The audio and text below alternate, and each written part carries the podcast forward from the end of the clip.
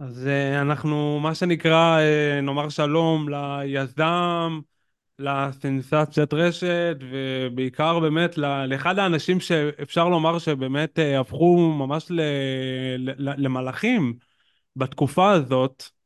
ואני אומר מלאכים, למה אני מתכוון? היום אנחנו מקליטים בתאריך ה-31 לדצמבר, עוד מעט ארבעה חודשים אחרי המלחמה, עד, עד ממש שעה לפני שבאתי לפה, עדיין קיבלתי כל מיני בקשות אה, מחברים ומכאלה שאתה יודע שיש להם חברים בעזה, ואמרו לי מה, מה, מה, מה אפשר עוד לעשות. אתה כאילו נכנסת לאיזושהי עמדה אה, שאתה אתה לא תצליח לצאת ממנה, איך אתה מתמודד איתה? אה, וואו, זו, זה, אני חושב שזאת השאלה ששאלו אותי הכי הרבה. אה, האם יש לי איזושהי דרך יציאה מהסיפור הזה, או מתישהו אני, זה ייגמר. אה, אנחנו צוות שנמשיך כל עוד אנחנו יכולים לעזור. אה, אני מניח שעם הזמן מילואים ישתחררו והלחץ קצת ירד על החוסרים של הציוד. אה, אנחנו מנסים לעזור במקומות נקודתיים שעושים שינוי בתוך יחידות מיוחדות עם ציוד מיוחד שהצבא לא יצליח לספק בזמן אה, ופחות בציוד מיגון באופן כללי בכמויות גדולות. אנחנו מנסים לעשות שם את השינוי עכשיו. אה, אבל כן, זאת משימה שאתה לא יכול לקום בוקר אחד ולהגיד זהו, אני מפסיק.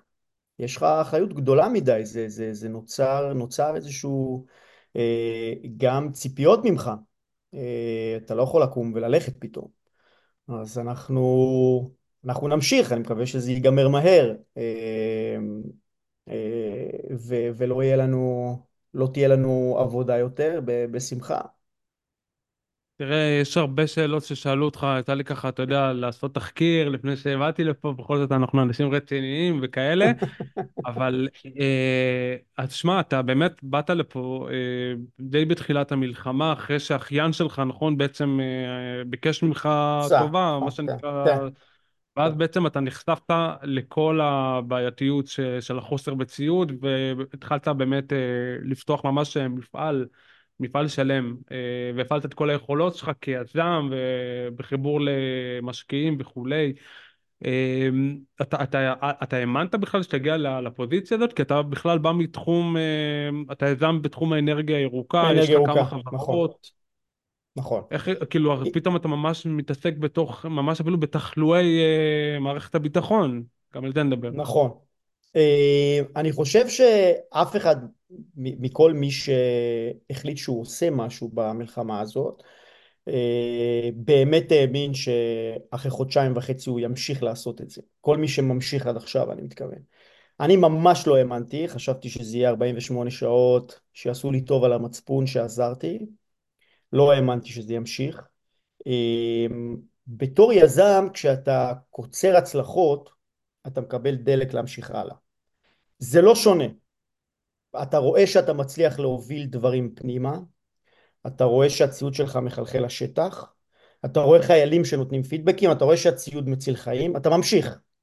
אם בשבוע הראשון או בשבוע השני היינו נכשלים בלהביא ציוד מיבוא לארץ, או לא היינו רואים אותו בשטח על ידי הרשתות החברתיות, צריך לזכור שאני חושב שבלי הרשתות החברתיות לא הייתי כמובן מצליח לעשות את זה, כי אתה מקבל פידבק מיידי, זה מה שנתן לי את הדלק לקום כל בוקר ולהגיד אני ממשיך. זאת הסיבה היחידה, וזה ממש לא שונה מעסקים. אתה עושה אה, עסק, אתה קוצר הצלחה, הטעם שלה נשאר לך בפה מספיק זמן כדי להמשיך ולרצות לטעום אותו שוב.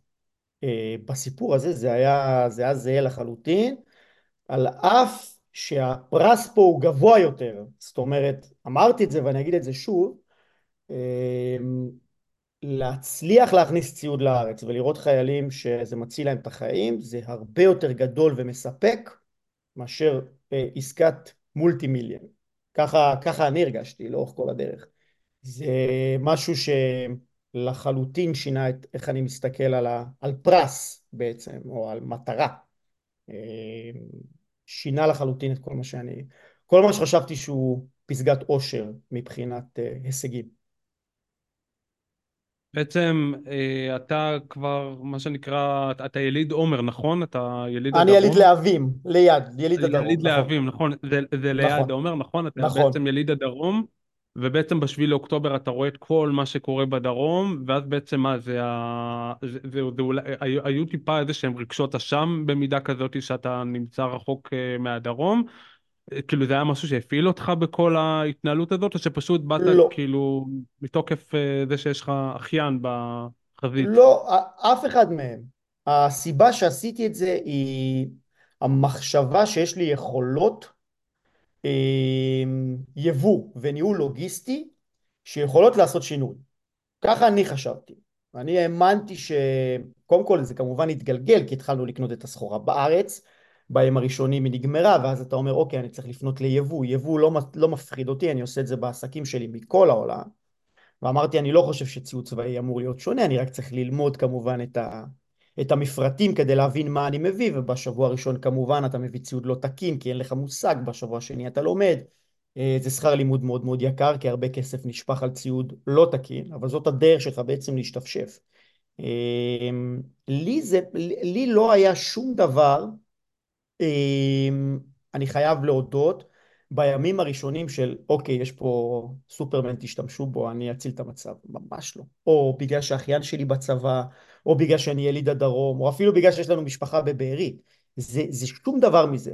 זה באמת היה המחשבה שאני יכול, כי אני יודע, לעשות משהו שאולי לאחרים ייקח יותר זמן, ויהיה להם טיפה יותר מסובך. משם זה הגיע.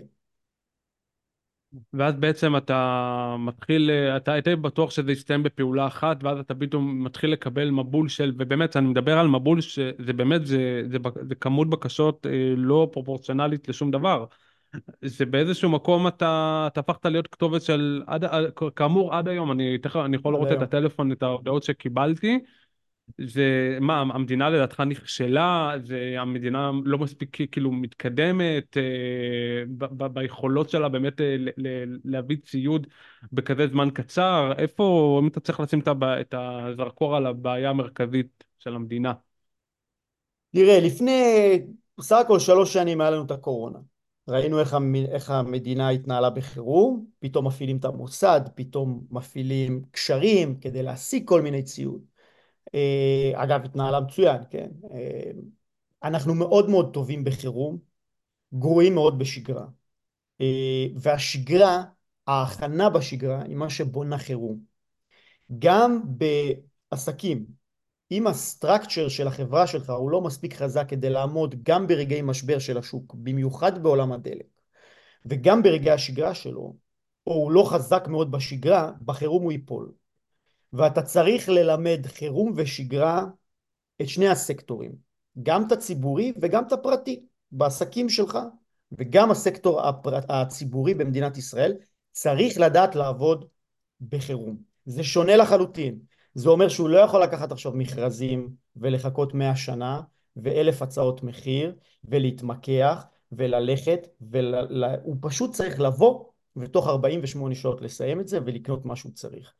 אנחנו במדינת ישראל, הסקטור הציבורי, לא יודע לעשות את זה. יכול מאוד להיות שזה בגלל שיש שם אנשים שלא מוכנים להישאר בגלל המשכורת. יכול מאוד להיות שהם לא יודעים לבנות אנשים טובים, יכול להיות שאתה יודע, האנשים הטובים פשוט לא נשארים שם מהסיבות, אה, מכל מיני סיבות, וצריך למצוא את הדרך להשאיר אותם שם. אבל בסוף אתה עומד בפני אה, מצב חירום, אין לך זמן לעשות את מה שאתה מכיר בשגרה, אתה צריך לאלתר, אתה צריך להיות גם מבחינת המדינה לשחרר כספים מהר מאוד, ופשוט אה, להתנהל כמו הסקטור הפרטי. ואני חושב שזה הכוח שלנו בתור יזמים פרטיים, כי אנחנו מסוגלים לקחת כסף ותוך 48 שעות להנחית ציוד בארץ, בעוד שמנהלת הרכש, יש, יש עליה כללים, חלים עליה כללים שכובלים אה, את היכולות שלה בזמן חירום. הם טובים מאוד בזמן שגרה, רעים מאוד בזמן חירום. ואני חושב ששם המדינה נכשלה והיא תמשיך להיכשל עד שהיא לא תקים מערך שיודע לעבוד בזמן חירום כמו שצריך. מה עושים במדינת ישראל? ישר ממנים איזה פרויקטור, אנחנו התאהבנו במילה הזאת פרויקטור, איזה בן אדם מבחוץ שהוא, לא יודע, אולי כישרוני אולי לא, ופתאום הופכים אותו למשיח, והוא אחראי על רכש, והוא אחראי על ניהול. זה לא תקין. אם יש לך מחלקה שלימדת אותה בשגרה איך לעבוד, אתה לא צריך פרויקטור בחירום. מספיק המחלקה הזאת שתיתן לה את הכלים לעבוד בחירום. היא לא צריכה פרויקטור. אנחנו לא צריכים אה, משיח ולא מישהו שיגאל אותנו, ואני חושב שזאת הבעיה של מדינת ישראל. וכשאתה מסתכל במה שאנחנו עשינו, בסך הכל ארגון קטן, ובסך הכל בסכומים קטנים, 40 או 50 מיליון דולר זה לא סכומים גדולים, הם רוכשים במיליארדים. אבל לציוד המיגון, שהוא הכי חשוב, הגענו לפניהם. וזה רק בגלל שהם לא יודעים לעבוד בשעת חירום. וזה רק בגלל שבמשך השבועיים הראשונים לקח להם זמן להבין את זה ולצאת מהפאניקה כשאתה שרגיל למשברים בעסקים יוצא מפאניקה באותו יום, אין לך ברירה, אחרת החברה שלך תקרוס במשברים גדולים, שוב, בעיקר בעולם הדלק. ואני חושב ששם הבעיה ואת זה צריך לתקן. אתה הרגשת שמשרד הביטחון דווקא אולי אפילו מערים קשיים? אה, כי אני יודע שבהתחלה רצו לצמצם את, ה... את הסוג שהבאת ליצרנים ספציפיים, כי יש בכל זאת גם כל מיני הסכמים וכל מיני פוליטיקות פנימיות, אבל אני, אני יודע שכן אה, הרימו לך קשיים, אז אתה, אתה רוצה לשתף? מה, איך הייתה העבודה היו, עם... היו מעט קשיים, היו מעט קשיים, אני חושב שאני הופתעתי דווקא משיתוף הפעולה. אה, בהתחלה אמרו לא צריך, אבל זה כמובן היה למיקרופונים ומתחת לפני השטח היה צריך ושיתפו פעולה. אה, תראה, עצם העובדה שמשרד הביטחון וכמובן צה"ל בהמשך אה, שחררו מפרטים של איזה אפודים צריך ואיזה קסדות צריך ומה חסר, זה שיתוף פעולה מדהים בעיניי. אתה יכול, אתה יכול לשלוח, להמשיך לשלוח תרומות לא תקינות צה"ל היה מתעלם מזה, ו... וזה פשוט היה מפוצץ את המכס בסחורה. באיזשהו שלב הם הבינו שהם לא יכולים להילחם בזה, הם יצטרכו תרומות, ואז הם פשוט התחילו להפנות את כולם למפרטים מסוימים. אמ, זה כן היה קשה, זה לא שפתחו בפניך את השערים ואמרו לך תביא הכל, אבל לנו, שראו שאנחנו רציניים ואנחנו עובדים לפי מפרטים, ואנחנו מביאים ציוד איכותי, אני חייב להגיד שאיתנו שותפו פעולה, עד היום אגב, עד היום, אמ, והיה שיתוף פעולה מצוין, זאת אומרת, בשבוע הראשון הייתה דממה, בשבוע השני יצאו קצת מההלם והתחילו לשתף פעולה, ועד היום אני חייב לציין שכל גורם שאנחנו עובדים איתו, אמ, וגם עליהם כמובן יש מגבלות, כי הם לא יכולים לעשות הכל, הם בסוף גוף רשמי, עבד איתנו בשיתוף פעולה מצוין והציל את המצב למעשה. באמת, הגיב מהר, אה, נתן את ה... פתח את הדרך בעצם אה, לציוד הזה להיכנס לארץ. אה, גם, גם המכס, גם, גם משרד הביטחון. הרבה דברים שהבאנו היו, נגעו גם למשרד התקשורת, נגעו גם למשרדים בתוך משרד הביטחון. אה, כמו מנהלת הרכש למשל. אז בסך הכל אני, אני מאוד מאוד אה, מעריך את מה שהם עשו. אה, ואני חושב שה, שה, בסופו של דבר ההסתגלות הזאת למצב הצילה המון המון חיים של חיילים. כי השיתוף פעולה הזה היה הכרחי. כן, אתה, אתה בעצם חושב שאם לא היה את השיתוף פעולה שלכם ואת כל העזרה שלכם, באיזה מצב היום היינו? תראה, אני, אני מעריך, אני מעריך שנכנסו, נכנס ציוד אה, חיוני לארץ אה, במאות מיליוני דולרים במהלך החודשים האחרונים. אה, עצם העובדה שאני רואה המון המון חיילים עם מיגון אה, שלנו, אני מכיר גם חיילים שהחיים שלהם ניצלו בתודות למיגון הזה. אחיין שלך, אם אני לא טועה, נפצע, נכון? האחיין שלי נפצע, קיבל שני כדורים בידיים, נכון. אמ, במקרה שלו המיגון לא עמד במבחן, אבל אנחנו קיבלנו חיילים, אה, תמונות מחיילים שחטפו צרור לאפוד הקרמי ושרדו, קליעים בקסדה ושרדו. פרויקט מצלמות לטנקים שעשינו הציל אין ספור חיים של חיילים, וזה באמת בגרושים. באלף שקל אתה ממגן טנק. אמ, שהוא שינה לחלוטין את, ה, את איך, ה, איך השריון בעצם נלחם בתוך עזה ואת יכולת ההתגוננות שלו ויכולת התגובה שלו לאיומים. אז אני חושב שהיינו במקום רע.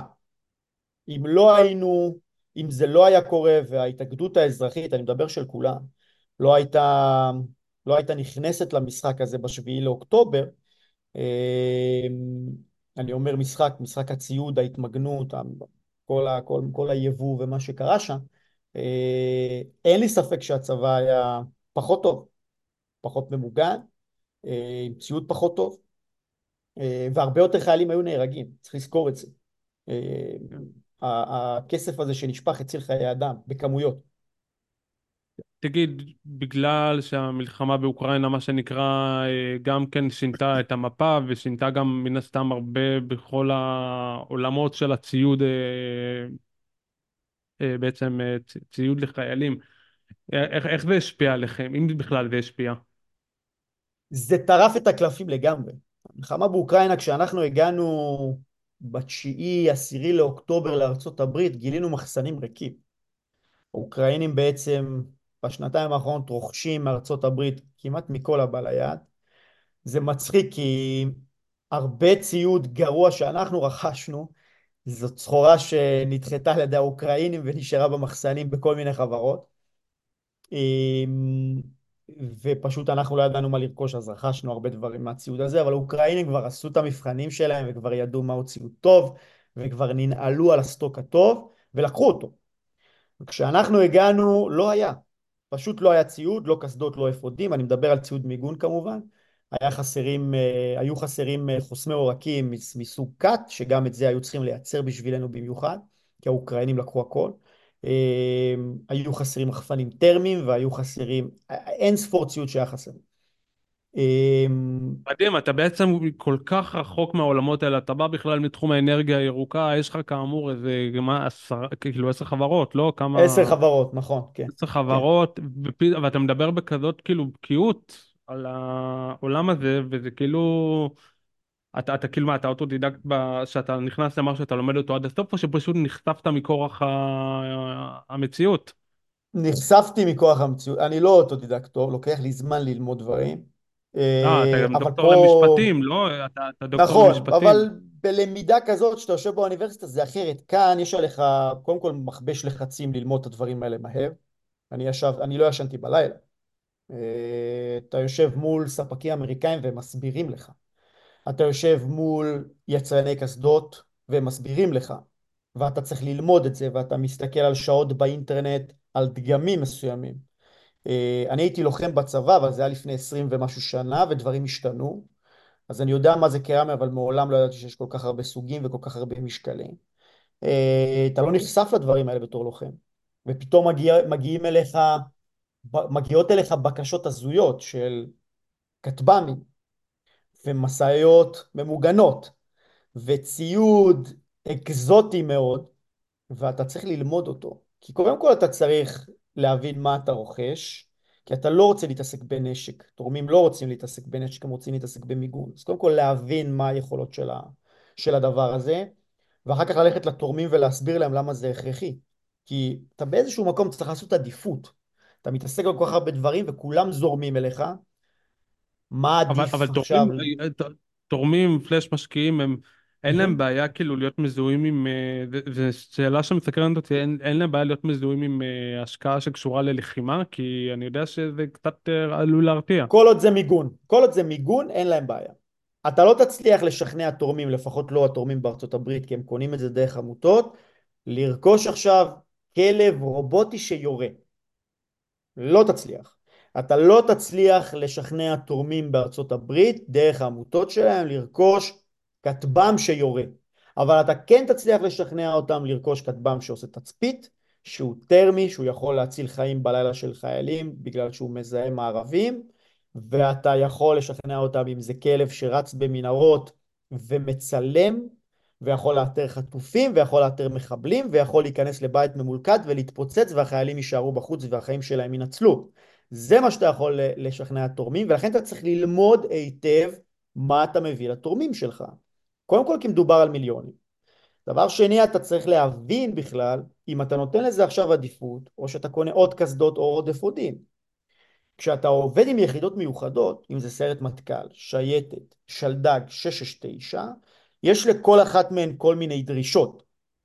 יש להם עמותות, העמותות שלהם התרוששו די מהר, ואז הם באים אליך. הם יכולים לבקש רק קסדות, כי את שאר הדברים הם מסתדרים, ויכולים לבקש ציוד מאוד אקזוטי. אנחנו קיבלנו ציוד מאוד מאוד מאוד קיצוני. אמ, ציוד שהוא לחימה, או בוא נגיד לא לחימה שהורג, אבל ציוד שהם צריכים אותו, אם זה תצפית, אם זה ניתוח מידע, כל מיני מערכות מסוימות, שאנחנו הלכנו ורכשנו כדי לשפר את היכולות שלהם. כי הם אמרו, אם אני צריך לחכות למשרד הביטחון ולמנהלת הרכש, זה ייקח עכשיו שנה. אתה היחידי שיכול להנחית לי את הציוד הזה בארץ. וזה מה שעשינו. ואתה באיזשהו מקום בונה עם התורמים שלך איזשהו הסכם, אתה יודע, בעל פה כמובן, מאוד דומה למשקיעים שלך, לאיזה כיוון החברה הזאת הולכת, שבו אתה אומר, אנחנו עובדים על מקסום, על הדרך שלהם למקסם את היכולות שלהם, כמובן לא בהרג, אלא בהגנה, בתצפית וכו', אמ, וככה אני מספק להם את הציוד הזה, ואני מתעסק במיגון להצלת חיי אדם. כשאתה שם את הדברים האלה, אתה גם מושך אליך הרבה יותר אה, תרומות. כי בסוף, במה, באמצע הלחימה היו הרבה מאוד חמ"לים בארצות הברית, אם אתה לוקח חמ"ל מיאמי, לוס אנג'לס, ניו יורק, שזה אנשים מאוד מאוד עשירים שאספו מיליונים על גבי מיליונים, עם תורמים מאוד מאוד גדולים ועשו עבודה מדהימה, אבל בסוף הם קונים הכל, מחטיף חלבון ועד נעל וקסדות ואפודים וחלק תקני, חלק לא תקני. והרבה מהתורמים הגיעו אליי ואמרו, תקשיב, אני... זה לא מעניין אותי, אני רוצה להציל חיים, באמת, אני רוצה לראות שאני מציל חיים. בפרויקטים שלך, אני רואה שאני מציל חיי אדם. ו- וככה התגלגלנו בעצם, אה, כי תמיד חרטנו על הדגל, אוקיי, אבל זה מיגון, אני לא מתעסק ב- לא במזון ולא במדים ולא בשום דבר כזה. אה, וזה הרבה מאוד עמותות בארצות הברית, או הרבה מאוד תורמים בארצות הברית דרך עמותות, הזדהו עם זה. וככה משכנו הרבה מאוד כסף. אה, זה, זאת בעצם הייתה האסטרטגיה. תגיד לי מחר אתה הולך אה, להיות אה, מנכ"ל משרד הביטחון, אוקיי? אני יודע שזה לא בתוכניות שלך, אבל נניח, מה הדבר הראשון שאתה משנה בתפיסה אה, של המשרד? שאנחנו יודעים שזה בכלל, כל משרדי הממשלה הם מאוד מאוד הם מיושנים, מאוד מסואבים. כאמור, לא עובדים עם אה, גופים אזרחיים, שבמקרה הזה הצילו אותם כסת"ח, אה, באמת, אין מילה אחרת. מה הדבר הראשון שאתה משנה בתור מי שבאמת יצא לו ככה אותם... בחודשיים האלה לעבוד איתם אה, לעומק. לעומק או להיחשב הופ... גם לפעילות שלהם. כן. אני הופך אותם לחברה. אני מפסיק, הם מפסיקים להיות גוף אה, ציבורי, ואני הופך אותם לכמו שחברה מתנהלת. זה אומר קודם כל שכר בהתאם. כשאתה מסתכל על אנשים שהם רוכשים במנהלת הרכש, אה, אנשים טובים לא יבואו לשם.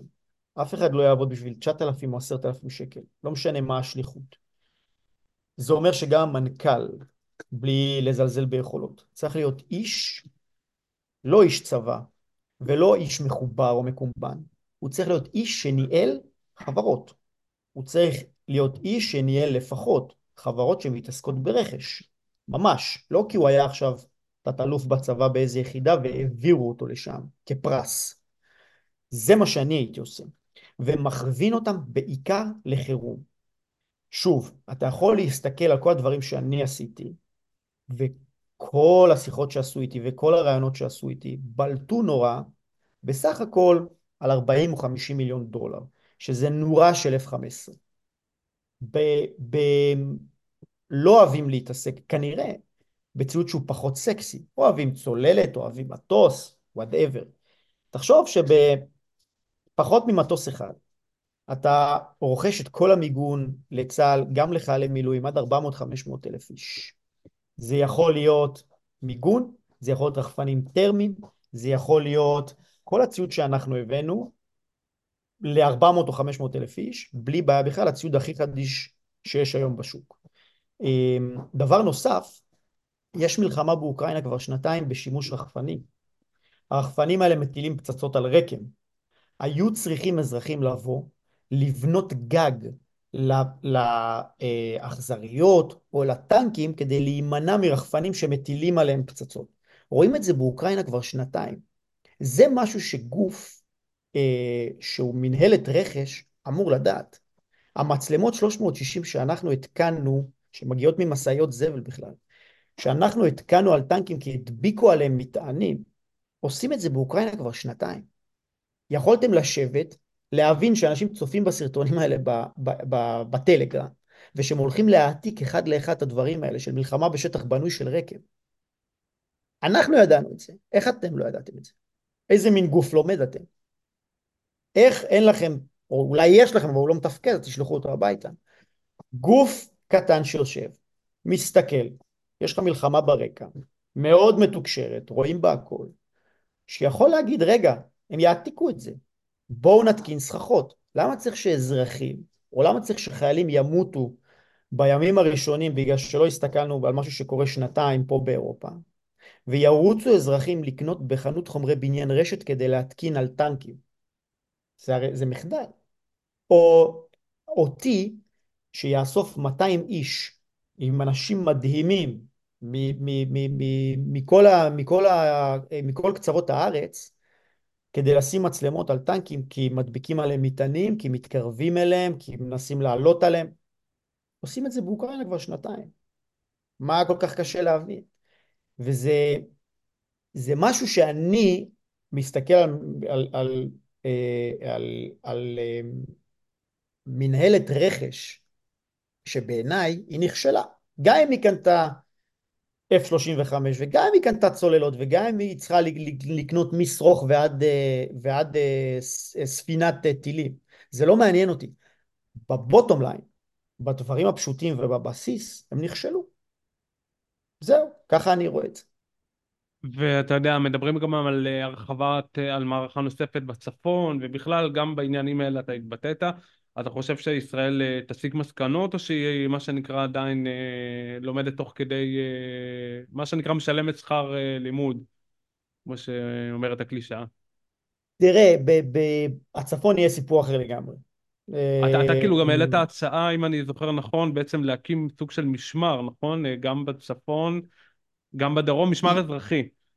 יש, אני, נכון, אני דיברתי על... אני מקווה לא את המשמר של בן גביר, את המיליציות. לא, לא, לא, זה לא, זה, אני לא, אני נגד הדברים האלה כמובן. אה, אני, אוקיי. אני, אני דיברתי על אה, אה, בכלל לעגן, יש, יש מה שנקרא את נושא כיתות כוננות, שאנחנו גם תומכים בו, משפחת לאופר לקחה את זה כפרויקט והיא, והיא תומכת בזה ואנחנו מספקים להם ציוד.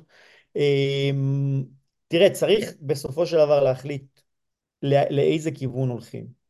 זה אומר שאם, אני לא מומחה בביטחון, אבל אני מסתכל על הרבה מאוד אנשים בכיתות הכוננות בדרום בשביעי לאוקטובר, הרבה מהם ב, עשו אה, ניסים בתוך האסון ומזערו אותו מעט כמה שאפשר, אה, והם תמיד עניים בציוד והם תמיד עניים באימון והמדינה לא מטפלת בזה ולא מתחזקת את זה. אה, ויש לה כבר חודשיים מפונים בצפון, גם שם יש כיתות כוננות צריך לדאוג להם. צריך שיהיה איזשהו גוף שיארגן את זה, וידאג להם לציוד, לא שייתנו להם ויקחו להם לפי כמה, אה, מתי היה הפיגוע האחרון, ושאנחנו, כי אנחנו שוכחים מהר. אה, בעיניי יש הרבה מאוד מה לעשות בהתארגנויות אזרחיות שיגנו באמת על המקומות האלה, זה דבר ראשון, אבל זה צריך להיות מסודר. לא שכל אחד ילך עכשיו ויעשה ראשון לנשק. שיהיו בתוך היישובים האלה גופים כמו כיתות כוננות, מאורגנים, רשומים, עם ציוד, שינעלו את הציוד כמו שצריך כדי להימנע מגנבות, שיעשו את זה באופן מסודר, שזה פעם אחת יעשו פרויקט שהוא לא חפלאפ. זה ככה אי אפשר, אי אפשר להתנהל, שאני צריך להגיע ואחרי 80 יום להביא להם ציוד מיגון כי אין להם, וכי לצבא אין אז הוא לא נותן להם, ולמשטרה אין אז היא לא נותנת להם, אמ, ואני לא מדבר עכשיו על אזור איו"ש, שפחות או יותר אה, די מוכן לאיומים בגלל, בגלל התרגולות. אני מדבר על הצפון והדרום. אה, אנחנו לא מדינה שמסיקה מסקנות. ראינו את זה בלבנון השנייה, את נושא הציוד, אנחנו רואים את זה עכשיו, ולצערי אנחנו גם נראה את זה בעוד עשר שנים אם, תה, אם, תה, אם תהיה מלחמה, כי משהו לא נכון במערכת. המערכת עצמה, שכל נושא רכש והניהול הביטחוני, על אף שאנחנו לא שווייץ, אנחנו כל הזמן במלחמות וכל הזמן תחת איום, פשוט לא פועל נכון. יכול להיות שזה תקציבית, יכול להיות שלא מנתבים את התקציב למקום נכון, יכול להיות שלא יודעים לנהל את זה, אבל כשאתה מסתכל על, ב, מהצד, נדמה שזה על, עניין של ניהול, כי כסף דווקא יש. כנראה, אז, אז זה ניהול, אז צריך להחליף את המנהלים. יכול להיות שזה מי, מי הממשלה ומטה, אני לא יודע, אני לא, אני לא מסתכל על זה זה ככה, אני מדהים מסתכל... שאתה מצליח מאוד לא להיכנס לפוליטיקה, למרות שאתה מתחכך בכל מיני, ראיתי גם פוליטיקאים בדימות, שמה שנקרא, אה, הצטרפו, אה, נכון, חברו אליך, וגם נכון, אה, כאלה שמעריכים. קיבלת תגובות מהצד, מהמערכת הפוליטית, אה, כן, פניות? כן, מה אתה המון, יכול לשתף המון. אותנו? מה, מה תראה, למשל? אני, אני, אני קיבלתי פנייה, אני אגיד, אקרא לזה גורם בכיר במשרד הביטחון, ב, ביום הרביעי או החמישי למלחמה כבר, גורם ש... בכיר במשרד הביטחון זה או ראש הממשלה או שר הביטחון, אתה יודע, זה השם קוד לא, בדרך כלל. אני, אני, אני נמנע מלספר, קיבלתי טלפון באמצע הלילה, ושפשוט אמר לי, אם אני צריך עזרה כלשהי, אה, אני אקבל אותה. אה, שזה רק מראה כנראה כמה היה צריך את העזרה הזאת, או את הדברים שאנחנו עשינו כמובן. אה, קיבלתי המון המון תגובות מהמערכת הפוליטית, מכל הרמות, שרים, חברי כנסת, אה, אנשים, ראשי ערים, כמעט כולם דיברו איתי בשלב כזה או אחר. אלו היו תגובות מאוד מאוד טובות, הרבה תגובות היו נדהמות. זאת אומרת, הייתה איזושהי הרגשה? שאולי אנשים מה? הרבה נדהמות, הרבה תגובות. נדהמו, כן, נדהמו מהמצב, כי הם אמרו, מה, זה עד כדי כך גרוע? מה, אין ציוד מיגון לחיילים? מה, אתה צריך אותך? ממש, יצרו איתי קשר כדי להבין אם, אם ערן הוא לא סתם אה, סיפור נחמד בטוויטר שעושה רעש, או שבאמת מאחורה יש משהו. אה, המצב באמת גרוע עד כדי כך. אני חושב שהמצב הוא, אתה יודע, להגיד גרוע אצלי זה על הקרשים. אני לא חושב שזה שם, אני חושב אבל שהוא לא טוב. הוא לא טוב. לא מבחינת הניהול שלו. בכלל, באופן כללי, כשאתה מסתכל על, כשאתה מסתכל אתה בתור אזרח של מדינה שמשלמת, משלם מיסים והרבה, אמ, אנשים כמונו, והיו הרבה כמונו, אה, מבליטים מחדלים. בסוף אנחנו שמים פרושקטור מאוד מאוד גדול על מחדל. אה, אני אף פעם לא אמרתי את זה, אני תמיד ניסיתי להישאר מאוד ממלכתי, אבל אני חושב שראוי שכל מי שהיה אחראי על ציוד, ולא אכפת לי מה התירוצים, אה, לא אמור להישאר בתפקידו אה, בתום המלחמה הזאת. בכלל, כל מי שהיה אחראי למגן את ז- זו האמירה הצבא, הלעומתית הראשונה שלך לדעתי מאז שאתה נכון, בא... שמרתי אותה לסוף השנה, נכון, לא אמרתי אותה אף פעם. אני בעיניי, כל מי ש, כל מי שאמון על רכש, כל מי שאמון על ציוד, אני מדבר גם במשטרה, גם בצבא, ראוי שילך הביתה. אמ, אני לא, אני כמובן לא מתפקידי לשפוט, לא עשיתי ועדת חקירה ולא בדקתי עד הסוף, אבל אני מסתכל מהעין הצרה שלי ומה שאני ראיתי. אה, אני לא חושב ש, שחיילים צריכים לקושש תרומות לציוד צבאי בכלל. לא סוך של נעל, לא חטיף חלבון, לא כלום. אה, גיוס גדול מבחינתי הוא לא, הוא, הוא יכול להיות תירוץ בהתחלה, הוא לא תירוץ אחרי 80 יום. אה, אני חושב שגם חיילים שנלחמים עם עדיין עם קסדות מיושנות, על אף שהן אולי תקינות, זה לא תקין במדינה שנלחמת אה, כל הזמן בעצם. אין לי מושג איפה הכסף, מה עשו עם הכסף, איך ניהלו אותו. אני לא חושב שבזמן חירום צריך ללכת לרוץ ולקנות אפודים קרמיים, ולקנות קסדות, ולקנות משאיות, ולקנות לא יודע מה. זה, אני מבין שצריך לקנות תחמושת, זה הגיוני בעיניי, כי יכול להיות ש... אבל לא הגיוני שחיילים יילחמו בציוד כזה. זאת, זאת דעתי, זה פעם ראשונה שאני אומר אותה. היית רוצה נגיד אה, להיות באיזושהי עמדת השפעה כאן, אה, נניח אה, בצורה כזאת של, דוגמה, מנכ"ל משרד ביטחון, או בכלל להשתלב במערכת הביטחונית כאן באיזשהו אופן? בכל זאת, אתה מדבר בכזאת בקיאות ואתה בכלל יש לך עולם שלם שהוא מאחוריך, שהשארת אותו ועכשיו אתה חוזר אליו, אבל זה, זה משהו שהיה מעניין אותך, או שאתה מבחינתך היה מאוד נקודתי והיה? לא, אני לעולם לא אעשה את זה. אה, קודם כל, אני חושב שהסקטור ציבורי לאנשים כמוני שהם יזמים הוא סיוט, כי אתה עובד עם יותר מדי כללים. אה, אתה בסופו של דבר, כשאתה לוקח תפקיד ציבורי, גם אם אתה שר, אה, אתה צריך שיהיו לך כלים, שיהיה לך את היכולות לשנות. אני לא חושב שבמצב הנוכחי אפשר לשנות, לא משנה מי יישב שם. אני חושב שצריך לשנות קודם כל איך הדברים מתנהלים. אני חושב שצריך, כמו שאמרתי, לתקצב משרדים כאלה, כדי שהם יוכלו להביא אנשים, למשוך אנשים, כמו חברת, להפוך את זה לסוג של חברה אה, גדולה, כמו חברת הייטק, שאנשים ירצו לעבוד שם, שאנשים ירצו להגיע לשם, אה, שיהיה להם אופק, שהם לא יצטרכו, מעבר לכלכלי, גם, אה, גם עניין. אה, ולא ייקחו אנשים צעירים עכשיו עם קצת שליחות, ישימו אותם כדי לנסות לרכוש, כי אני חושב שזאת עבודה מאוד מעניינת לרכוש ציוד צבאי. בסופו של דבר יש הרבה אנשים שיכולים להתעניין בזה, ועם משכורת ועם אופק ועם תנאים, אני חושב שאנשים טובים יגיעו לשם. אה, עד שלא משנים את זה, זה לא באמת משנה מי יהיה מנכ"ל משרד הביטחון או מנהל מחלקת הרכש. זה לא... אין לו כלים באמת אבל זה להצליח בכל זאת מעניין. לשאול, אתה, אתה רואה את עצמך נכנס לעולם של התעשיות הצבאיות? אני, אני לא מדבר על העניין עכשיו הפוליטי, הפנים-ישראלי, תעשיות ביטחון, שם גם יש רוב חד הכסף, משמעית לא. לא, לא? לא, לא. לא, את, אני, אני חושב שזה... תראה, בעולם האנרגיה אתה חי 24/7.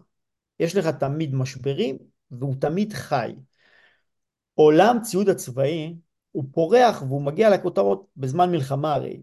בזמן שגרה הוא משעמם. יכול להיות שצבא רוצה עכשיו למלא ימ"ח כלשהו, אז אתה עושה איזושהי עסקה או זה. אין מה להשוות בכלל, ואני אומר לכם בתור אחד שעשה את שניהם, אין מה להשוות בכלל בין עולם אנרגיה שהוא שוקק כל הזמן, אתה מתעדכן במחירים כל הזמן, כל הזמן נכנסות הצעות, כל הזמן יש עסקאות, כל הזמן דברים זזים, לבין עולם שהוא מקבל, אה, אה, אתה יודע, הוא, הוא רץ או, או, או מגיע לכותרות רק, רק בזמן מלחמה בעצם, ששם אתה בעצם אה, עושה משהו, או עושה, זז מהר, ודברים שאנחנו עושים בעצם בעולם האנרגיה כל הזמן. אז מהצד החיבור שלך שלי, לאנרגיה הירוקה בעצם התחיל, אתה מאוד, זאת אומרת, מאוד אקולוגי גם במהות שלך, אתה כותב הרבה על אורקות ועל בעלי חיים, ומי שעוקב אחריך בטוויטר, שבכלל אתה אושייה, אה, שם אתה, כמה אתה בטוויטר אגב? מכמה? 14? 13? 43 אלף, משהו כזה. כן? כן.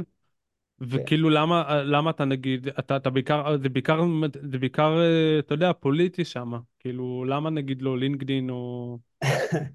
לי יש סיפור מצחיק עם טוויטר. אני נרשמתי לטוויטר ב-2009 ולא הייתי נכנס.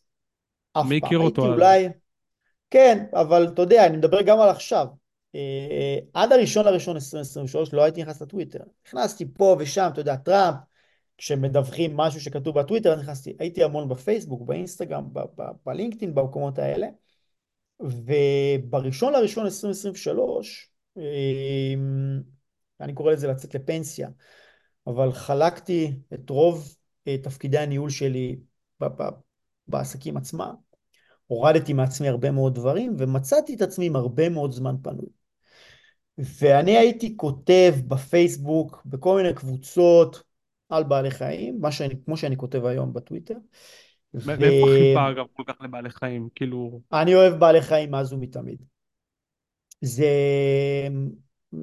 אני... יש, יש מעט מאוד דברים שאני, שמעניינים אותי, אני חייב להגיד. אה, זאת אומרת שאני יכול ממש להיות מרותק אליהם. אחד מהם זה בעלי חיים, כמעט מכל סוג. אני יכול לשבת מול תוכניות טבע, מרתון של שעות 24/7 בלי לישון, בלי לאכול. אה, מאז שאני ילד מגדל. בעל חיים גם בבית? כן, יש כלב ושני חתולים. בתור ילד היה לי הכל. גדלתי אמנם בלהבים, זה יישוב לא מושב, אבל נתנו לי להחזיק מה שאני רוצה בגינה. והיה לי איזשהו קורא שהוא איש מאוד מאוד מפורסם במדינת ישראל, בקבוצות בפייסבוק, והוא שלח לי, הוא הרבה בטוויטר, הוא אושייה מאוד גדולה בטוויטר, והוא שלח לי פעם אחת תודה ואמר, תקשיב, התוכן הזה הוא מעולה לילדים, אני חושב שתביא אותו לטוויטר, והורים יתחילו להקריא לילדים שלהם.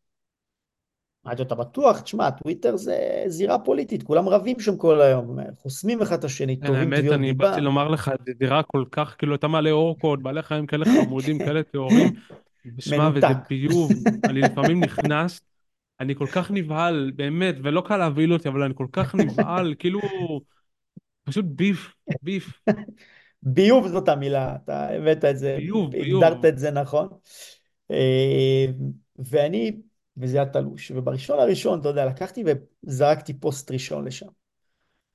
אף אחד לא הבין מה, מה זה, הדבר- מי זה הגנוב הזה, הוא טעה בפלטפורמה. ולא נשברתי, ולקח לי איזה שלושה חודשים להשיג engagement טוב. מדי פעם זרקתי גם על העסק, שהוא, שזה גם מעניין, אתה יודע, הייתי כותב, אני, אני יודע לכתוב, זה לא שאני כותב לא מעניין, אני יכול להפוך דברים לצו, למעניין, וכתבתי על העסק גם שלי. אתה גם כותב המון, לא? כאילו, כן, אני כותב לא, גם בגלובס. נכון, אז יש לי, יש לי גם טור בגלובס, בגלובס תרבות, גם כן על בעלי חיים, על התנהגות בעלי חיים, ו, ו, ואני אוהב לכתוב, אני יודע לכתוב. אמ, והתחלתי לכתוב שם, ואתה יודע, אנשים, התגובות, הפיסת דפוק כזה, איפה הוא הגיע עכשיו? אתה יודע, הם מסתכלים לי בפרופיל, רואים יזם, רואים את החברה, רואים מ-2009, אומרים, פצה, מאיפה הוא צץ? ו... ולקח לזה איזה שלושה חודשים, אני חושב, לתפוס, ואז העוקבים עלו, אני חושב, משהו כמו 2,000, 3,000 כל, כל כמה ימים, ואנשים פשוט אמרו לי, תקשיב, תמשיך, כי אני מגיע בערב ומקריא את זה לילד שלי. ככה אני, זה מה שאני עושה. פתאום אנשים יודעים מה זה אורקה בכלל. ורואים צילומים מדהימים, ובאמת הייתי משקיע המון המון שעות על, ה, על הפוסטים האלה, זה לא משהו שהייתי כותב בדקה וחצי. מאיפה, מאיפה הזמן? יש לך, אה, כאילו, יש לך כל כך הרבה דברים לעשות. עשר כן, אז, חברות. אז הפחתתי המון, אה, ירד, הורדתי הרבה מאוד, תראה, הייתי, הייתי מתעסק בהרבה מאוד shit, סליחה על הביטוי, ב, ביום יום. התחלתי לעלות טיפה גבוה יותר בדברים שאני מתעסק איתם. הורדתי הרבה יותר דברים לוגיסטיים, שזה רוב העבודה, לעובדים שיש בתוך, ה, בתוך החברות, ו, ולהתנהל הרבה מאוד ב outsourcing. אה, אני מדבר על outsourcing מבחינת המשימות שלי ולפזר אותם אה, לעוד אנשים, וזה יצר לי אה, זמן פנוי. ש... שאת הזמן הפנוי הזה באמת אהבתי למלא בכתיבה ובמעקב אחרי בעלי חיים ובדברים האלה שאני כותב היום. ואחרי ש... גבה, זה תפס. זה הפך למשהו שאנשים מאוד מאוד אה, אהבו לקרוא, גם, גם מבוגרים.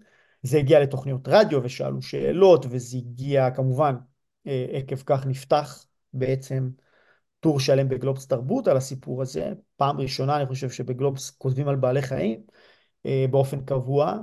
אה, וזה, ראיתי שזה כמו שדיברנו מקודם, כשאתה רואה הצלחה אתה ממשיך, אז המשכתי.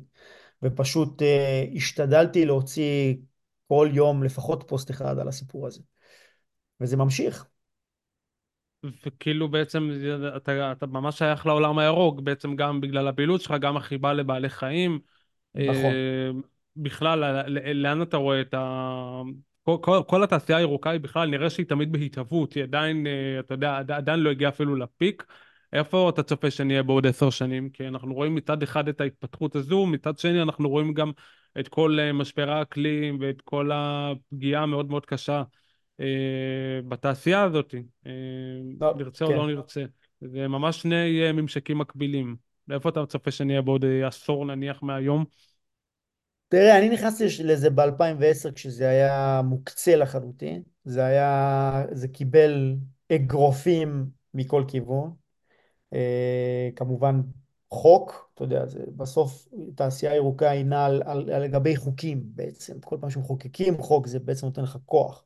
אה, ניתן דוגמה רק כדי להסביר, יש חוק ש, שבאירופה, חוק מהילה, שמחויבים למהול חמישה אחוז ביודיזל בתוך דיזל אה, שהוא מאובן, דלק מאובנים, כדי להוריד CO2. החוק הזה בעצם פתח תעשייה עצומה של ייצור ביודיזל, כי צריך להביא ביודיזל מאיפשהו, וביודיזל עושים משמן משומש. פתאום קמה לך תעשייה במהלך שנים של, של 80-100 מיליארד יורו בשנה, שחברות עצומות יושבות עליה. אז זה הכל נע לפי חוקים. כשאתה מסתכל בעשור, אם לוקחים את 2010 כשאני הקמתי ועד 2020, בוא נגיד עד הקורונה, אה, זאת הייתה תעשייה שסבלה מאוד, כי היו חוקים בעיקר על ידי ממשלות. כשהממשלות נפלו, החוקים האלה נפלו איתם, ושוב פעם שינו את התעשייה. מה שאנחנו רואים עד, עד 2030 בעצם, או עד 2035 אם תרצה, זה כל, ובטח אתה שומע על זה הרבה, כל הנושא הזה של צמצום פליטות לאפס עד 2030, עד 2050, כל מיני פרויקטים וטרגטים שמדינות לקחו על עצמן. אה, התעשייה תלך ותגדל, היא תלך ותשתפר גם אה, בסוגי התעשייה בה, זאת אומרת תכף ייכנס מימן ירוק, אה, ייכנסו הרבה יותר קולטי שמש, בכלל גם הבתים באירופה וגם בארצות הברית יהפכו חכמים יותר, ירוקים יותר. אה, זה כמובן יעשה את החברות הירוקות עשירות מאוד. אני, אני מאוד מאוד בתור יזם, אה, אני לא יודע כמה התעשייה הזאת מצמצמת את משבר האקלים, קשה לי להגיד, כי זה קשה לדעת לאורך כל כך מעט זמן. אבל היא כן תורמת מאוד למחזור, לפחות בפגיעה בטבע. תחשוב שפעם היו לוקחים שמן משומש ממקדונלדס וזורקים אותו לנהרות, זה היה מחסל תאי שטח ותאי מחיה עצומים, והיום זה לא קורה יותר, וממחזרים את זה. אמ, אז אני חושב ששם, או פחות כריתת יערות מן הסתם, כי, כי יש כמובן אה, הרבה יותר פיקוח, אז כל הסיפור הזה של, של התעשייה הזאת שהולכת, היא גם בצד השני מגנה על הטבע, לפני שהיא כמובן שומרת על, על אולי, על, אה, על הטמפרטורות ועל, ועל זיהום האוויר ומה שזה לא יהיה, אה, היא קודם כל שומרת על הטבע, וזה הדבר הראשון שחשוב לי בתור יזם, אה, שאנחנו פחות נהרוס את הטבע, וכמובן בהמשך אנחנו ממחזרים, זו תעשייה שממחזרת. זו תעשייה שבמקום אה, לשרוף פחם או לכרות פחם ולעשות נזקים סביבתיים, מסוגלת לייצר אנרגיה סולארית ו- וחשמל ירוק. אה, אז בסוף, לפני הפגיעה באקלים, אני רואה את השמירה על הטבע, זה, זה מה שמניע אותי לפני הכל. אה, כי זה משהו שאתה יכול לראות אותו מיד.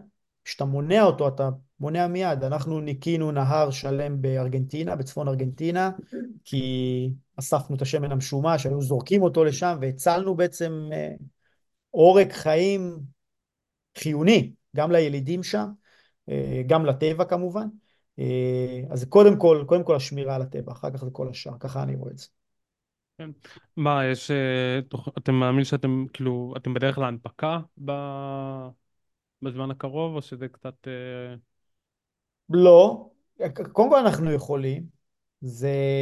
אני, אני, אמ, אני חושב טיפה אחרת בתור יזם. אני, אני לא מסתכל על איזה גודל החברה הזאת יכולה להגיע. אני מסתכל כמה אנחנו נהנים להחזיק אותה ונהנים להגדיל אותה למצב שהיא לא תהיה גדולה מדי עבורנו. שאז זה מה שקורה, כי אתה צריך עוד כסף ואתה מנפיק ואתה...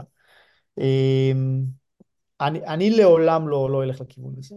אני נהנה שזה בינוני, אה, גדול במונחים של השוק שלנו, אבל יכול בלי שום בעיה ללכת ולהנפיק אותה, היא כבר, אה, כבר מייצרת מאות מיליונים, אין שום בעיה להנפיק אותה.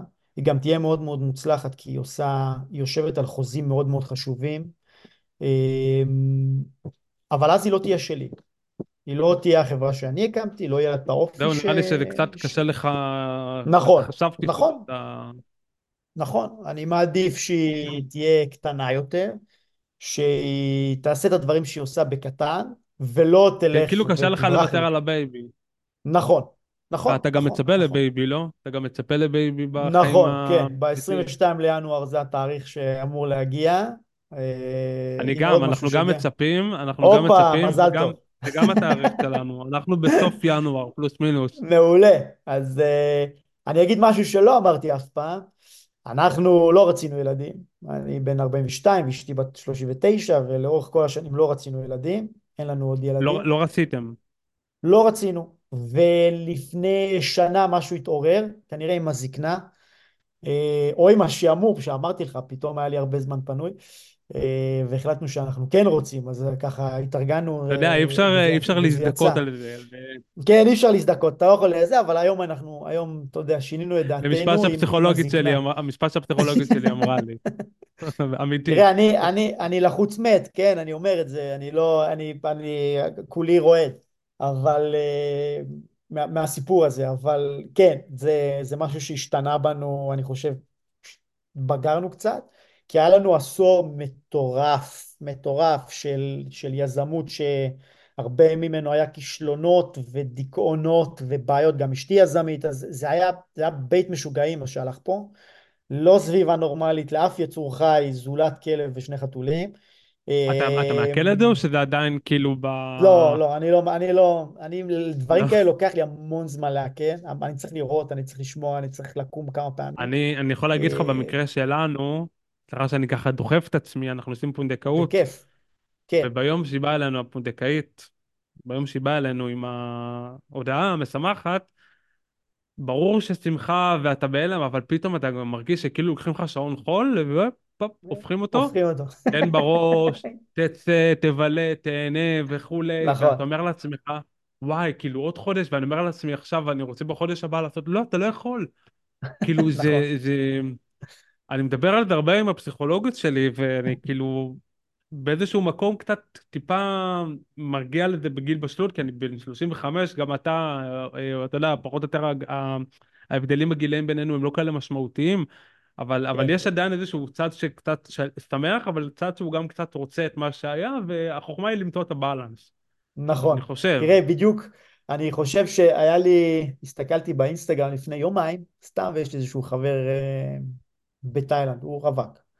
אה, בגילי והוא בתאילנד והוא צילם ואמרתי לעצמי זהו זה נגמר אני לא אין שום עכשיו אם הי- הייתי נוסע לתאילנד עכשיו למה אני לא בתאילנד עכשיו? זה היה כן זה אתה אתה תראה כמו בכל החלטה שאתה לוקח בחיים שמשפיעה עליך שהיא כמובן אה, כל דבר אה, יש פלוסים ויש מינוסים ואתה מקריב משהו. זה, זה תמיד ככה פה ההקרבה היא כמובן, אנחנו, אנחנו נגלה את זה, אני ואתה עוד מעט, את ה, את ה... אתה יודע, את הפלוסים ואת הכל, ואני בטוח שזה יהיה נהדר.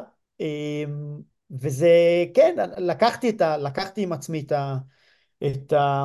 מה, במה אני הולך לשלם, כמה זה הולך לעלות לי, מה שנקרא, אה, והשלמתי עם זה קודם כל, כדי שאני לא אעמוד ואגיד לעצמי, שיט, מה עשיתי? כאילו, איזה גנוב, אני היה לי חיים טובים, כי באמת היה לנו בשלוש ארבע שנים האחרונות, האחרונות שגם נכנס הכסף והחברות הסתדרו, חיינו, טסנו, נסענו, יצאנו, אתה יודע, בילינו כמו, אה, כמו שבאמת בחיים לא, לא עשינו. אה, זהו, אבל זה, לי זה הרגיש באיזשהו מקום שהחיים שלי אולי, אני לא יודע, אתה יודע, אנחנו תמיד רודפים אחרי הרפתקאות, אולי הם לא שלמים בלי זה. אולי חסר משהו, למרות שלא הרגשתי שחסר, אבל אמרתי, אולי אני אצטער על זה יום אחד, אולי... ככה אנחנו, אנחנו בני אדם בסופו של דבר, אנחנו מסתכלים הצידה ואומרים, אוקיי, החיים שלי שלמים, אבל הם לא שלמים אולי 100%, מה חסר? אוקיי, אולי זה ילד, אולי זה... כל מיני דברים כאלה שאתה חושב לעצמך ואתה לא... אין לך אומץ להוציא החוצה, כי יגידו לך, תשמע, אתה לא יכול להחזיר אחורה, זה המצב. אבל זה מה שאני חשבתי, ככה אני חשבתי, ממש מאיזשהו מקום אנוכי. מה, אני אפספס את זה? אומרים שזאת אהבה מטורפת ואני חייב להרגיש. אין סיכוי שאני אפספס את זה. ככה, מישהו דימה את זה. ללונה פארק שהוא רוצה לעלות על כל המתקנים. אה, בדיוק, בדיוק, בדיוק. קצת מטריד. אבל אה, הנקודה הובנה. כן, זאת האמת. שמע, בוא, אנחנו, אנחנו בסופו של דבר רוצים לחוות נוסע, הכל. מפה אני נוסע להרצליה פיתוח לקחת את העגלה של בו- בוגבו, בוגבו, כאילו, זה בכלל עולם שלם וזה כזה פתטי, כאילו הוא עושה נכון. סטטוס. אני אמרתי, אני לא רוצה להיות במשחק הזה, אבל נו מה, ברירה. כן, אתה יודע, זה גם אנחנו, אתה נהיה פתטי. מתחיל לחשוב מה, לקנות לו. בסדר, אנחנו, אתה יודע, אנחנו גם אה, בסוף, אה, לשמחתי, אשתי היא, סוג של אני, אני, היא, היא מדהימה, היא מסוגלת, היא עשתה הכל ותפקדה ו- ו- והביאה הכל וקנתה הכל ויודעת מה לקנות. ואני באמת הייתי, בשלושה חודשים האחרונים לא הייתי, לא הייתי פה מבחינה פה. נפשית, זאת, זאת האמת. אז אה, כן, אז כל הכבוד להזדמנות להגיד תודה על, ה, על הכל.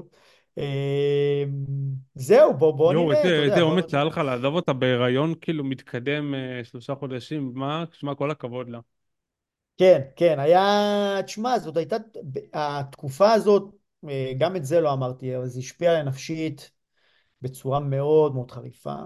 אה, ירידה במשקל, ולא לישון בלילה, ואי תפקוד, חוץ מהתפקוד של ה... לרכש, אי תפקוד כללי בבית. זה היה, הייתי אאוט לגמרי, זה השפיע עליי, אני לא ידעתי שזה ישפיע עליי כל כך. אה, לא חשבתי, חשבתי שזה משהו שאני אוכל להשאיר אותו אחורה, אבל, מאחוריי, אבל נוצר איזשהו מצב שאתה עובד עם ארצות הברית בלילה וביום אתה עובד עם ישראל, ושוב פעם עם ארצות הברית בלילה ושוב פעם עם ישראל, אתה לא נח, והאי הצלחות משפיעות עליך ממש. זה, זה, אתה מרגיש, זה מטורף, אתה אומר, אוקיי, לא מצליח להביא את זה, חיילים צריכים את זה, חיילים יהרגו בלי הסיפור הזה, וזה משפיע עליך ומשפיע עליך ומשפיע עליך, אה, ואתה עוקר את זה, ואתה, אין איך לפרוק, אתה בסופו של דבר כל הזמן המצב רק הולך וזה כל הזמן רץ הסיפור. אין לך זמן אפילו לעצור רגע ולהגיד, אוקיי, אני אקח לעצמי איזה יומיים הפסקה ואני, אין, אי אפשר, אתה לא יכול לעשות את זה. אז uh, עכשיו, כשזה טיפה נכנס להילוך איטי, כי פתאום הדברים עובדים אוטומטית, והצבא כבר מתאפס על עצמו, וחיילים פחות מבקשים. אה, אתה דיברת על הודעות, לי היו בכל מדיה אפשרית פנו אליי, כולל להשיג את הטלפון שלי, אלוהים יודע מאיפה, אלפי הודעות. אלפי הודעות. זה היה, היית פותח אינסטגרם, או פותח פייסבוק, או לינקדאין, או טוויטר. מטורף ומתסכל. מטורף. מה זה? ו... אני אומר לך, אני קיבלתי, אני, אני לא האמנתי, אני כתבתי באיזה קבוצה, כאילו מי ששאלות, לא שאלו שאלות, תמסור ככה וזה וזה, או איזה תגובות היו, או פש, רציני. או ככה, כן? או פש, רציני, כן? או כאילו אתה מביא מישהו יעני רציני, או אה, בקשות, אם הוא יכול, אם אפשר וזה, אמרתי אני לא אכנס לזה כי אני לא אצא מזה. אין, אה, גם, תראה, גם בשלב מאוד מוקדם גם אמרנו... אימא של אה, מישהו שבעזה, היא אמרת לה, לא, לא, אני לא, לא, אני לא שם, כאילו. נכון, הם, הם, הם עוד היו מתקשרים ובורחים בטלפון, והבן שלי הולך להיכנס ואין לו ציוד, ומהר מאוד הבנו שפרטני אי אפשר לעשות. אה, גם הרגעתי את האנשים האלה הרבה פעמים, כי ידעתי גם מהצבא ש, שלא ייכנסו בלי מיגון לפעולות מסוכנות מן הסתם. אה, ואני שמח שהצבא לא עבד עליי, הוא אמר את האמת, ואני גם העברתי את המסר הזה הלאה, וניסינו לעזור למי שאפשר, אבל זה בלי סוף, זה, זה בלי סוף. אתה רואה את עצמך חוזר לזה ככל שהלחימה אה, תימשך? כל פעם אומרים לי מה יקרה אם הצפון ייפתח, כי אנחנו עושים עכשיו כמה דברים הצפון, איזשהו ציוד מסוים שהם צריכים שם, אה, אה, שמחובר גם להגנת יישובים וגם להגנת מוצבים, שזה איזשהו פרויקט אה, שראיתי בו חשיבות ואנחנו מנסים להרים אותו עכשיו. כן, אם, אם אנחנו נראה שיצטרכו, אז, אז כן, כן, אני, נוצר איזשהו, אתה יודע, אספת איזשהו נוער שהוא הכרחי. אתה לא יכול, אתה לא יכול, לא אומר לוותר עליו, אבל לזרוק אותו עכשיו לפח, אם במידה אה, כזאת או אחרת תצטרך שוב פעם לעשות את זה בזמן הקרוב. אמ, אבל גם האנשים שעובדים איתך בסופו של דבר יש להם משרות והם חוזרים לעבודה שלהם ואתה פחות מקבל אה, עזרה. אה, הם יעזרו אבל מן הסתם לא יהיו זמינים 24/7. וכן, ואני אני, אני מניח שצה"ל כבר יודע מה חסר ו- ו- ואיך לעזור ולקנות, אבל שוב, אתה מסתכל גם, גם עכשיו על הצבא, ואתה אומר, אוקיי, גם כשהם סוגרים חוזה, אז הם סוגרים אותו עד 2026, זה אומר שהציוד לא יגיע מיד, יגיע בחלקים לאט לאט, ו... כי אתה יודע, זה כסף, זה תקציב, זה מיליון ואחד mm. דברים. אז אה, כן, מקווה, ש... מקווה שלא ייפתח, שיישאר. מקווה שנראה אותך פה בנסיבות יותר טובות. בדיוק. ולא בנסיבות כאלה. כן. ווואו, שמע, יש לי עוד מלא מה לשאול אותך, ורציתי גם לדבר איתך לשאול אותך אם איזה סדרות אתה רואה, ולדבר איתך על עוד נושאים, אבל מסתמנים לי פה כבר ש... באולפן שהגענו כבר uh, לסוף, אז אני אגיד לך ממש תודה רבה על השיחה. תודה לך. היינו אמורים להיפגש פה כאמור במציאות, אבל זה הסיבה שאני שונא לצאת מתל אביב. שונא, שונא לצאת מתל אביב, כי תמיד אתה נתקע, ואני לא אגיד באיזה עיר נתקעתי, כי אני לא רוצה להשחיר, אבל לא משנה, שמות, ראש העין. אבל אה, וואו, זה הלכת רחוק. כן, אפרופו לידה. אפרופו לידה, הייתי צריך לקחת משם איזה משהו שהגיע משם, ופשוט לא נדבר על זה כי אז אני... הנה, סיבת, סיבה טובה. אז אני שמח שאיחרת, אני כן, שמח ש... כן, הכל בסדר, כן, הכל בסדר, הכל טוב. בסדר ושיהיה, גמור, ושיהיה הרבה מזל טוב, והיה לי כיף גם לך. לדבר איתך. אנחנו. נתעדכן אחרי זה וזה, כן, ברור, נחליף, נחליף אה, רשמים. וטיטולים. וטיטולים בהחלט. כן. היזם, ערן אפרת, המון תודה. תודה רבה לך. אה, תודה על מה שאתה עושה גם באמת אה, עשית ועושה אה, למען המדינה ובאמת אה, השיחה הזאת אה, ב pod, אתם מוזמנים לה, אה, להאזין לה, אנחנו בספוטיפיי, באפל פודקאסט ובכל פלטפורמת הסטרימינג, נשמח מאוד שתדרגו אותנו אה, וזהו, ונגיד שוב תודה אה, ליזם ערן אפרת ואנחנו נהיה פה בפרק לכם. הבא. כן. תודה, תודה רבה, וש... ובאמת, יש לי הרבה הרבה הערכה אליך, המון. תודה, תודה, אני. מעריך מאוד, ושיהיה מזל טוב, זה הדבר.